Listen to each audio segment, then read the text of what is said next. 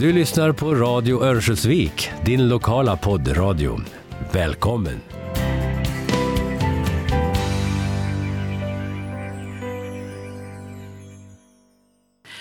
I det här programmet ska vi lyssna till Karl Kempe och han kommer att presentera sig själv. På musikstycket av Schubert, Di Forelle, som kommer att spelas, där sjunger Karl Kempe själv. Som en 80-årspresent till sig själv lät han spela in några av de sånger han sjungit genom åren, där Schubert haft en särställning. Hej, mitt namn är Karl Kempe. Jag är född och uppvuxen här i Örnsköldsvik och har jobbat 50 år i det företag som hette Mo som nu heter Holmen. Och här ska jag presentera min historia.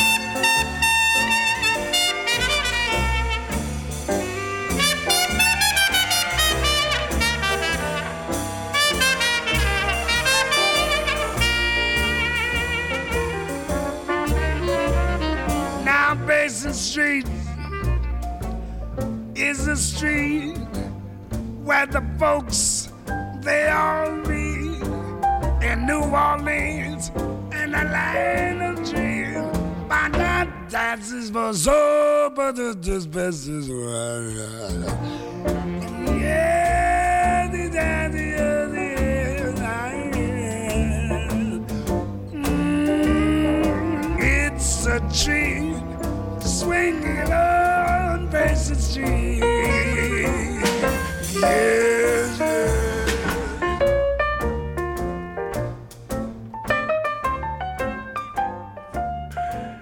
Detta var Basin Street Blues med Louis Armstrong. Det är lämpligt att börja med trumpet. Som mina syskon fick jag ta pianolektioner, men i tonårsåldern räckte inte piano till för att uttrycka känslor, så jag började spela trumpet. Vi bodde på Villagatan 4 och där fanns ett skyddsrum i källaren där jag kunde spela utan att störa någon. Jag spelade inte i något band utan bara för mig själv, mest blues, kraftigt inspirerad av Louis Armstrong. Min familj var den första Kempe-släkten som sig i Örnsköldsvik. Året var 1934 och min far kom från ASEA där han arbetat som högspänningselektriker efter examen på KTH 1925. Efter giftermålet 1927 föddes min äldsta syster 28 i Västerås.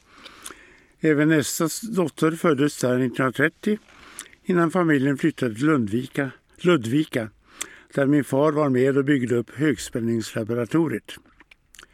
Där föddes min tredje syster 1932. Väl inflyttad i Örnsköldsvik där min far fick hand om utbyggnaden av kraften i Vattenfall som Oda hade intressen i föddes min fjärde syster 1936. När jag föddes 1939 hade min farfar sett sju barnbarn, alla flickor.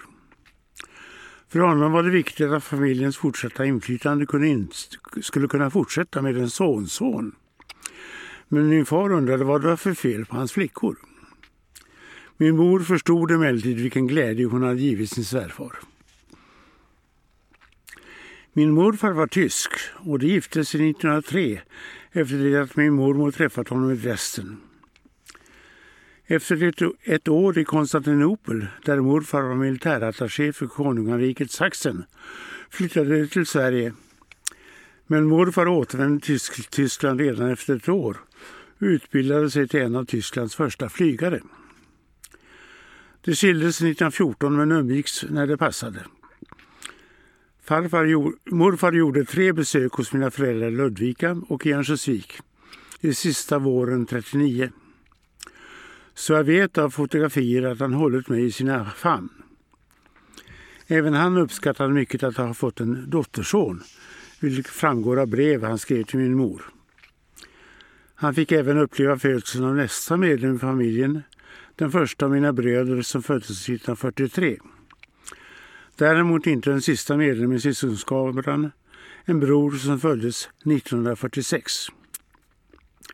På grund av kriget blev det inga fler besök i Sverige. Han gick bort av sjukdom 1944.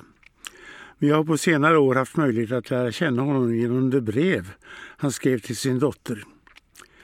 Det var en systerdotter till mig som fann breven, flera hundra stycken. Jag fick börja i skolan som sexåring, ett år för tidigt. Jag ansåg för stor att ha hemma. Skolan var ju då uppdelad i småskola två år, folkskola två år med förlängning till totalt sju år för det som inte gick vidare till läroverket. Fyra år i läroverket, fem för dem som tog realexamen och fyra år i gymnasiet. Så totalt tolv år för min del. Och gymnasiet ledde ju fram till studentexamen. Det fanns tre linjer på gymnasiet. Reallinjen som närmast motsvarar dagens naturvetenskapliga linje. Latinlinjen som var en språklig linje och den allmänna linjen. Sommartid praktiserade jag dels med skogsvårdsarbete utanför Åsele, dels på Modos verkstad i Lycksele som reparerade maskiner och tillverkade olika skogsredskap. Det var där jag fick visionen av behovet av en lätt och smidig maskin som skulle komma, kunna användas för att fälla och transportera ut virke utan att skada mark och kvarstående skog. Sista årets praktik förde mig, för, förberedde mig för att ha körkort direkt efter att jag fyllt 18 år. Folkskolan tillbringade jag i Örnsköldsskolan medan Olaskolan invigdes när jag gick i 1-5 det första året i läroverket. Prinsessan Sibylla kom för att inviga Nolaskolan. Redan första året skulle läroverket uppföra ett sångspel baserat på H.C. Andersens Prinsessan på ärten.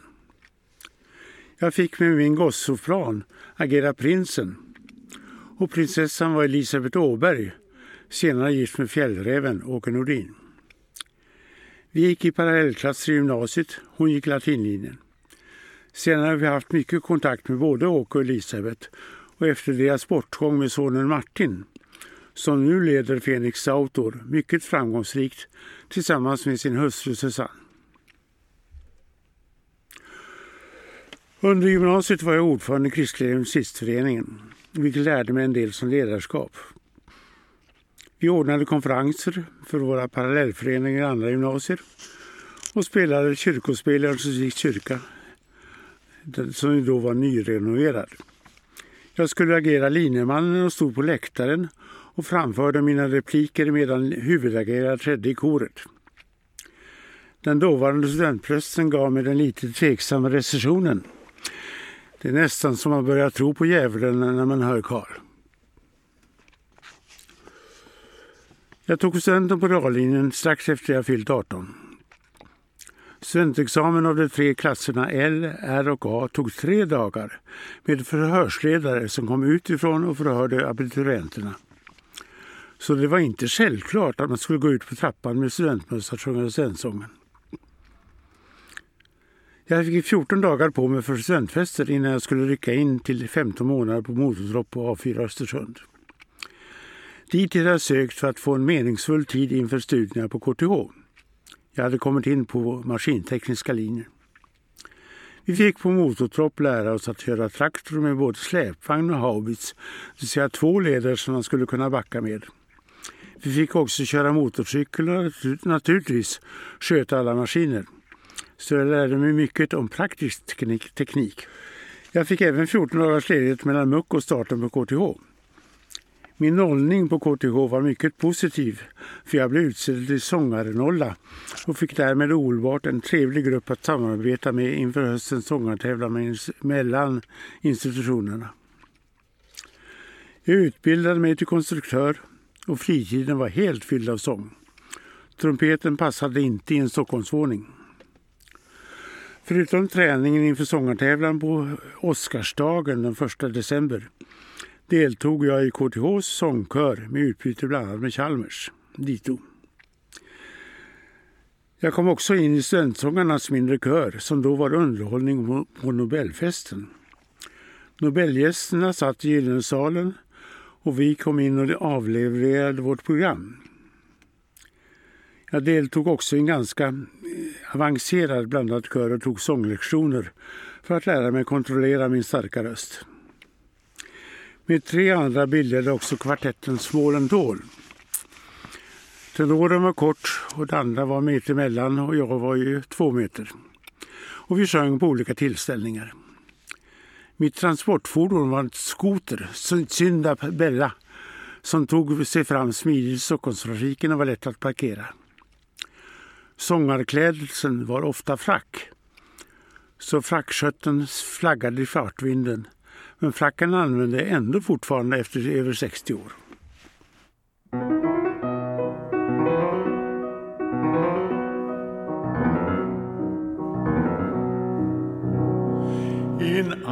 Bächlein hell, da stoße pro herein, die launische Forelle, vorüber wie ein Pfeil.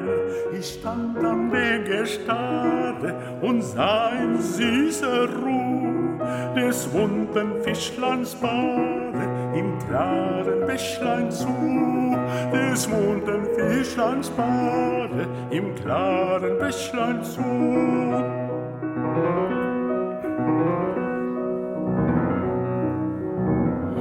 Ein Fischer mit der Rute, wo lange mo verstand, und saß mit kaltem Blute, wie sich das Fischlein wand. So lang im Wasser hell, so wacht nicht gebricht, so fängt er die Forelle mit seiner Angel nicht, so fängt er die Forelle mit seiner Angel nicht.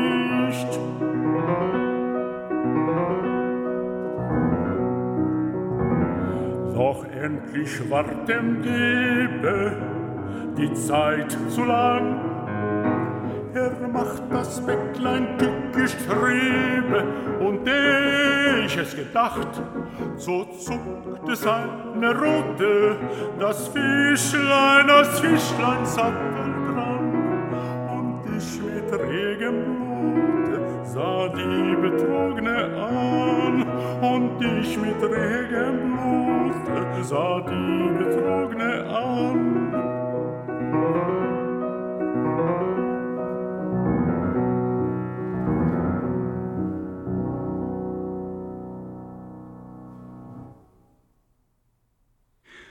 Efter ett år på KTH träffade jag min hustru Margareta som just börjat på Handelshögskolan i Stockholm. Efter ett år förlovades vi oss. 1962 gifte vi oss och flyttade ihop i en våning på Stureparken som Margareta fått hyresrätten till. Vår dotter Caroline kom i maj 1964. Sångartävlan på KTH var en tävling mellan de nio sektionerna och maskinteknik hade inte utmärkt sig tidigare. Men när jag började hade vi en utmärkt sånganförare, så mitt första år blev vi tvåa och sedan vann vi i två år. Det var två avdelningar i tävlingen, den första med enbart unison sång, den andra med fritt framförande. Där hade ju bland annat kemi en fördel som kunde ställa upp med en blandad kör. Vi andra var ju mansdominerade. Maskini, maskinteknik hade ingen kvinnlig studerande. För att vinna sångartävlan gällde det att framföra något som var både teknologiskt och musikaliskt högstående. Under tiden på KTH hade jag olika praktikantjobb. Det var meningen att man skulle lära sig hur svarvar och fräsare fungerade. Jag fick jobb på Gustafsson Hjort och Hjort i Katrineholm genom att de hade ett nära samarbete med MSA, mellan och Sydsvenska skogsbrukets arbetsstudier, med ett verksamhetskontor i Katrineholm. Men jag fick mest jobba med att rätta till ritningarna som inte stämde för en maskin de tillverkade för SJ. Ett annat sommarjobb var Hägglunds elmotorfabrik här i Örnsköldsvik. Målsättningen för mig var fortfarande att ta fram en smidig skogsmaskin så mitt examensarbete var ett hjul med den hydrauliska driften inbyggd i hjulet. Efter examen som maskiningenjör ville jag läsa ett extra ämne på Skogshögskolan och kontaktade deras nya professor i skogsteknik i Garpenberg. Då gick ju alla studenter på Skogshögskolan det första året på internat i Garpenberg. Min professor ville samtidigt anställa mig som forskningsingenjör på Skogshögskolan. Villkoret var emellertid att jag skulle ta en licentiatexamen samtidigt. Jag skulle fundera på ett forskningsprojekt och när jag kom med mitt förslag hade vi samma idé, klippning av träd. Skogsmaskiner som provats i USA och Kanada klippte den vid roten istället för att såga. Så jag körde igång på trätekniken på KTH i Stockholm. Jag skulle ju lissa på KTH, inte på Skogshögskolan. Jag valde ut träd att prova med på Bogesund och byggde en provningsgiljotin. Bitarna sågades till fyrkanter för att få jämförbara resultat och provades både frysta och ofrysta. Efter klippning analyserades bitarna både visuellt och i mikroskop. Det visade sig att det frysta virket visade upp långa sprickor mellan splint och kärna. Egentligen var detta förutsägbart eftersom splinten innehöll vatten som frös och därmed expanderade medan kärnan var vattenfri. Så det fanns i det frusna virket en dragspänning i kärnan och en tryckspänning i splinten. Resultatet blev att alla maskiner i Sverige efter det byggdes med såg för avverkning istället för klipp. Sprickorna förstörde en stor del av den värdefulla rotstocken. I Garpenberg undervisade jag två årskurser i teknik. Mina erfarenheter av traktorkörning från motortruppen på A4 kom nu väl till pass. Bland studenterna hade jag några som senare blivit kända i Örnsköldsvik, bland annat Tor Arkén, Björn Sprängare och Kalle Bredberg. Då gick det 36 studenter i varje årskurs och det gick tills första år i ett internat i Garpenberg beroende på boende i en enda korridor. Mitt andra år i Garpenberg hade Skogshögskolan fått sin första kvinnliga student. Hon kunde inte bo i samma korridor med, med gemensamt badrum, så hon fick bo i en av flyglarna på Garpenberg. När min dotter Alice senare gick på Skogshögskolan fanns tre hus och 60 studenter och rummen hade alla eget badrum, så då bodde kvinnliga och manliga studenter blandat. Caroline låg i barnvagn under slutet av livsarbetet och var därmed ofta med på labbet. Hon sov så gott. Jag planerade för en fortsättning och ville därför hitta ett arbete som konstruktör. Via kontakter fick jag möjlighet att i samband med en studieresa till Kanada söka upp firman LRA, Logging Research Associates, i Montreal. Ett utvecklingsbolag för tre av de stora skogsbolagen. Den hade utvecklat ett stamsystem med lunnare som drog fram fältvirket till en processor. Hjärtat i processorn som kvistade, barkade och kapade virket byggde på Cambio barkmaskin som utvecklades och tillverkades av firman Brunell och Jonsson i Sverige. Det visade sig nu att LRA ville utveckla ett fällhuvud till sina lunnare så jag fick anställning från och med januari 65. Det första fällningshuvudet ritade jag enligt en idé min chef hade. Han ville ha en fällkniv som genom sin kilverkan fick trädet falla. Men när vi testade prototypen i fält såg visade det sig att träden valde själva hur de ville falla, så det blev svåra att lasta på lunnaren. Min idé var att sätta ihop gripen och de två fällknivarna, som då gick mot varandra och var inspända så att de kunde göras tunna. Det fungerade bra när den prototypen kom ut i fält.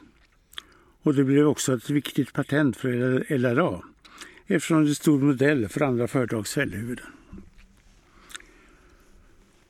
Till Montreal hade Margareta som mitt sysselbarn Helena Hernmark flyttat. Hon var då i början av sin bana som textilkonstnär och hade utvecklat en egen vävningsteknik.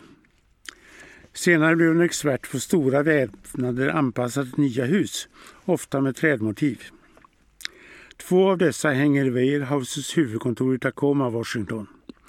En annan vävnad till Champion blev över när det byggde kontor och den hänger nu på SLU i Umeå utanför P.O. Bäckströms samlingssal. Margareta tillbringade mycket tid hos Helena och lärde sig framförallt att sätta upp nya vävnader i Helenas vävstolar. En annan influens av Helena var ny amerikansk musik, framförallt av Joan Baez och Pete Seeger. Här kommer därför Pete Seeger med I can see a new day, ett budskap som kanske känns ännu viktigare idag. I can see a new day, a new day soon to be, when the storm clouds are all past and the sun shines on a world that is free. I can see a new world, a new world coming fast when all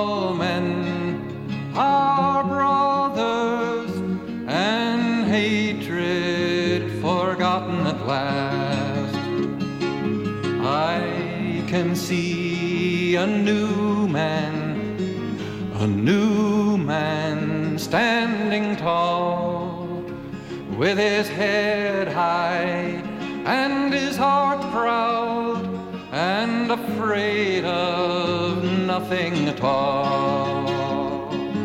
I can see a new day, a new day the storm clouds are all past and the sun shines on a world that is free.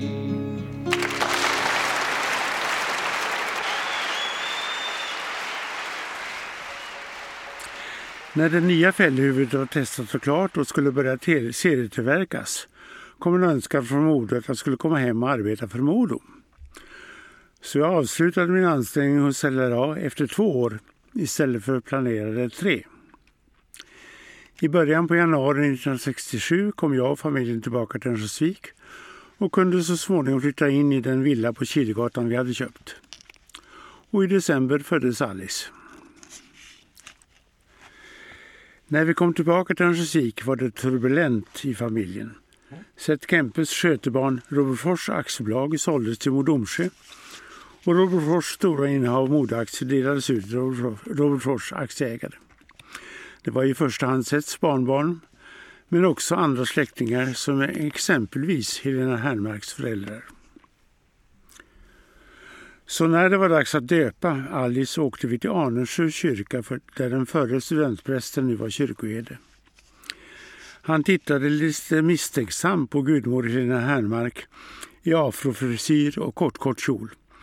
Men när Caroline stämde upp, tryggare kan ingen vara, så kände han sig lugn och Alice fick sitt dop. Det var en viss skillnad på Carolines dop på Hemsön med stor släktanslutning och med biskopen som döpte. I Modo fick jag först arbeta i en strategigrupp som leddes av Ingemar Kron. Jag gjorde också en session på skogsteknik och var med och utvecklade en fällare kvistare. Innan Alice blivit åtta månader kunde en barnflicka tillgodoräkna sig praktik. Så vi fick en barnklippa till Alice och Margareta anställdes som Modo och fick olika uppdrag. Hon hade tre saker emot sig. Hon hette Kempe. Hon var kvinna och hon hade en examen från Handelshögskolan i Stockholm. Ingen på ekonomiavdelningen hade då en akademisk examen. Men hon tog på sig det uppdrag hon fick och löste dem. Bland annat fick hon uppdraget att ta fram en ny kontoplan för Modo. Det hade tillkommit många dotterbolag som alla hade sin egen kontoplan.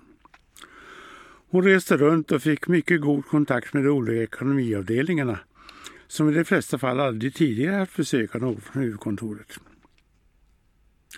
Ett annat viktigt uppdrag var att ekonomiutbilda de anställda som enligt den nya lagen skulle sitta i Modos styrelse.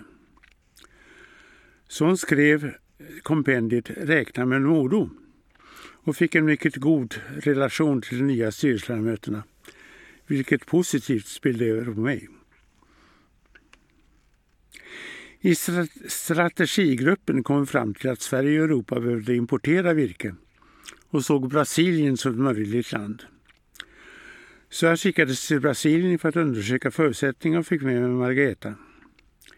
Vi besökte Aracruz planteringar av Vegalyptus, i Espirito Santo och Batistellas tallplantering i Santa Catarina. Batistella var ett familjeföretag med en såg och planteringar runt Lares. Men nu ville de expandera till norra Santa Catarina där markpriserna var lägre. Vidare fanns ett skattesubventionsprogram som gjorde det extra förmånligt att köpa mark och plantera skog. Veracruz skulle däremot bli delägare och få ett stort teknikansvar i den då rekordstora massafabrik de ville bygga. Det skulle kosta oss 5 miljoner dollar. Ärendet gick till Modos styrelse, men Ingemar Kron som fick föredra ärendet trodde att vi skulle klara oss med 3 miljoner så det blev styrelsens beslut. Men när Cruz skulle ta sitt beslut blev det Billerud som blev delägare genom att de höll fast vid dollar, 5 miljoner dollar. Skogschefen Leopoldo Brandao meddelade efteråt efter beslutet att hjärtat fanns hos Modo men pengarna hos Billerud. Som framgår av detta uttalande hade vi skapat en mycket god relation till Aracruz. Tillsammans med Jacob Hörry hade Modo utarbetat en plan för den nya massafabriken. Bodara Cruz VD Erling Lorentzen och Jakob Höyry kom till Örnsköldsvik för ett möte med moderledningen och de två åt middag hemma hos oss på Självårdsgatan. Sedan åkte jag med dem till Jakob Hörrys kontor i Helsingfors för en noggrannare genomgång av projektet. Så allt var bäddat för vår deltagande i Aracruz SA. Men Ingemar Krons tro att vi skulle kunna pruta på vår insats gjorde att Billerud blev delägare istället. Det tog då över Jakob Höj som huvudkonsult i det projektet. Det hade förstås varit en fantastisk uppgift att få vara med och bygga världens då största massafabrik. Men för min familj hade det nog inte varit så bra att bosätta sig i en liten ny stad i den tropiska delen av Brasilien. Så det blev istället ett avtal med Batistella som innebar att vi bildade ett nytt bolag, Motor SA, Mobasa, med en styrelse på sex personer med tre från vardera av ägarna och med mig som vd och Margareta som ekonomiansvarig. Vi flyttade ut hela familjen till Curitiba sommaren 1974 där Patristella hade sitt reella huvudkontor. Vi köpte våning och satte barnen i skola. Batistella hade då redan köpt mark som överfördes till bolaget och satte igång med plantering med en organisation de flyttade upp från Lars. Ett nytt kontor etablerades i Rio Negrinje vid Rio Negrinho vid stranden av gränsfloden mellan delstaterna Santa Catarina och Paraná. Planteringarna skedde på båda sidor om floden Rio Negro som flöt i landet, alltså både i Santa Catarina och Paraná. Men priserna på mark steg och ägarna måste tillskjuta mer medel. Eftersom svenska riksbanken inte gav nytt tillstånd för att föra ut medel så gick majoriteten i företaget och den effektiva företagsledningen över till Batistella samtidigt som Margareta behövdes på hemmalagen i Örnsköldsvik. Vår äldsta dotter Caroline hade inte trivts i den brasilianska skolan så hon åkte hem efter ett halvår för att gå i Sigtuna. Här kan det vara dags med en låt av en av de bästa sammansångarna, Chico Bark. Låten heter passande nog Carolina.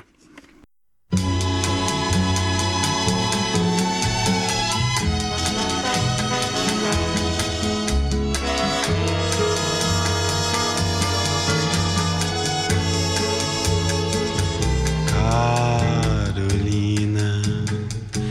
nos seus olhos fundos guarda tanta dor, a dor de todo esse mundo.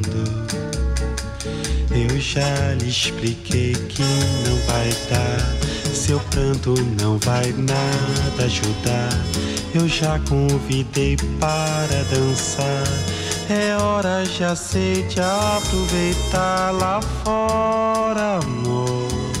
Uma rosa nasceu, todo mundo sambou, uma estrela caiu. Eu bem que mostrei sorrindo pela janela, ai que lindo. Mas Carolina não viu.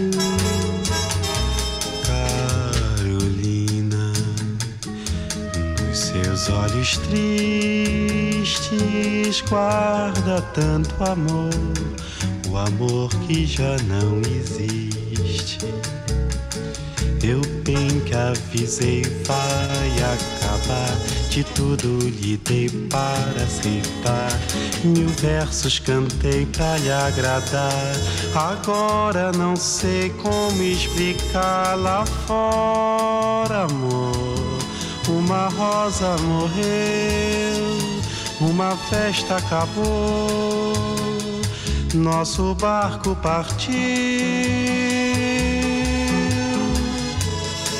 Eu bem que mostrei a ela. O tempo passou na janela e só Carolina não viu. Eu bem mostrei a ela. O tempo passou na janela e só Carolina não vi.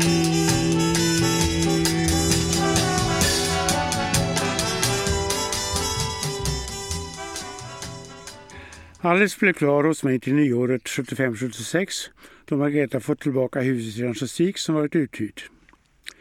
Det skapade förstås en mycket fin relation mellan oss som vi har glädje av än idag. Jag fortsatte i Brasilien med att förutom Obasa marknadsföra Modemekan och Modecumetics där Sverker Martin Löf var VD. Genom min förmedling blev det dels en vedhantering vid Klabrins fabrik i Mondalegre Dels Modecumetics största kontrakt. Det fick teknikansvaret för en ny massafabrik för ett företag som nu ingår i Cesano. Så småningom tog Modeskog med Tor Rakén över ansvaret för Brasilien och jag kunde återvända till Örnsköldsvik och förenas med min familj. Med de kunskaper jag förvärvat genom att dels planera för en egen fabrik i samband med, med Mombasa skogsområden Dels genom att lära mig tillräckligt för att kunna marknadsföra vedhantering massateknik så fick jag teknikansvaret för Modicell med fabrikerna i Domsjöhuset. Jag tog också plats i Modos styrelse ett par år efter att min far gick bort 1979. Mats Karlgren kände att han behövde stöd i styrelsen av en släkting. Efter hemkomsten från Brasilien fick vi tack vare den goda kontakt Margareta upparbetat med facket uppdrag att leda en studieresa för de fackliga till Brasilien där de blev mottagna som riktiga styrelseledamöter. I den massafabrik som Odocumetics medverkade i rullade det ut röda mattan för oss. Och vi blev hembjudna till Arcros VD Erling Lorentzen och hans hustru prinsessan Ragnhild. 1982 hade Modo köpt in sig i Iggesund vilket bäddade för ett visst samarbete. De båda vdarna Lars G Sundblad och Björn Sprängare kom överens om att de behövde någon som förutom att driva Iggesunds verksamhet i USA, framförallt EKAs papperskemikalier, skulle undersöka om det fanns strategiska möjligheter i USA. Jag blev tillfrågad och med villkor att jag skulle få gå en Advanced Management Program på Harvard, det vill säga en AMP-kurs, tackade jag ja. Jag tillbringade mycket tid i olika pappersbruk för att prova komposil som Ekas produkt hade. Så jag lärde mig en hel del om papperstillverkning. Det gav dessutom en mycket bättre bild av hur amerikanska företag fungerade. Att se hur deras fabriker sköttes än att träffa företagsledningen, även om jag också gjorde det. Det tre långa månader långa ANP-programmet var också helt rätt för mig. Harvard analyserar i olika företag hur det fungerar, den så kallade case-metoden. Vilket gjorde att jag fick inblick i många olika företag och deras problem och lösningar. För mig som arbetat i stort sett, arbetat i stort sett endast i ett företag var detta enormt givande. Att dessutom möta 160 kvalificerade företagare från hela världen var mycket berikande. Hälften var amerikanare och hälften kom från andra delar av världen. Det var också viktigt för mitt självförtroende. Min lyckade insats i Kanada har givit mig ett gott självförtroende men efter 15 år i ett familjeföretag är det svårt att veta vad som beror på en själv och vad som beror på mitt namn. Men på Harvard var det ingen som kände till familjen Kempe så jag kände att de framgångar jag hade berodde helt på mig själv. Så Harvard hade en dubbel effekt på mig. Genom att jag satt i Modos styrelse hade jag anledning att resa hem cirka åtta gånger per år, vilket underlättade familjelivet. Men jag fick finna mig i att vara gäst i mitt eget hus. Det fanns ju ingen anledning att rucka på familjens vanor bara för att jag var hemma ett par veckor. 1985 kom jag så tillbaka till Örnsköldsvik och fortsatte med teknikfrågor och satt i dotterbolagens styrelse. Jag blev också formellt VD för den CTMP-fabrik som byggdes i Domsjö i samarbete mellan Modo och Iggesund. Ansvaret för fabriken låg emellertid helt på Modocell.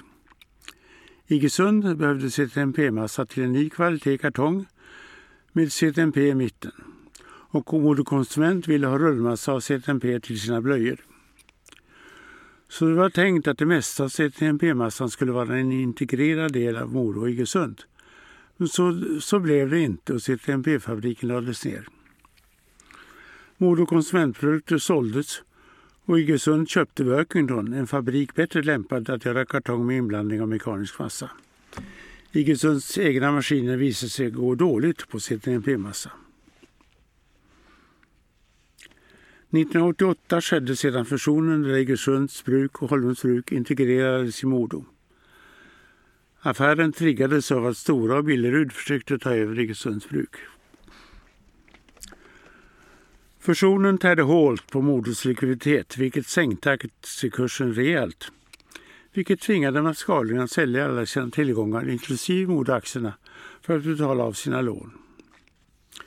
Köpare blev SCA vilket skapade några år av osäkerhet innan Fredrik Lundberg köpte SCA, SCAs A-aktier i Modo. Därmed började en tid med i huvudsak styrelsearbete för min tid. Men på grund av stora extrautdelningar från Modo blev det mycket att göra i Kempestiftelserna. Sommaren 2018 tog min dotter Alice över som ordförande i Kempestiftelserna och våren 2019 tog hon över min plats i Holmen, Modo Holmens styrelse. Så nu arbetar jag enbart med Kempestiftelserna med min dotter som chef. Margareta gick bort för tre år sedan och vi hade då etablerat oss på Dikartorp. Det ställe 25 kilometer väster om Stockholm som hennes föräldrar byggde som sommarställe 1934.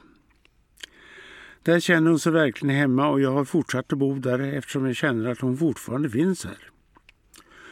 Så i samband med hennes sjukdom skrev vi oss till Stockholm och där har jag nu mitt centrum. Jag har inte längre någon bostad i Örnsköldsvik, men Caroline bor ju här och har ett rum stående för mig. Caroline har också köpt salusand och utvecklat denna Höga Kustens pärla. Så nu har vi en entreprenör i familjen här i Örnsköldsvik. Alice har sedan 1995 ett hus ute vid havet dit hon och hennes familj kommer regelbundet. I nästa avsnitt kommer jag att tala om Modos historia liksom Kempestiftarnas tillkomst och verksamhet. Men låt mig avsluta med min favoritara ur Rossinis Fabulerande Sevilla. Under studietiden på gymnasiet lyssnade jag på den från en grammofonskiva med den tidens största sångerska, Amelita Calicurci. Men den är lite raspig, så här blir det Una voce poco fa med Malena Ernman. Tack för mig.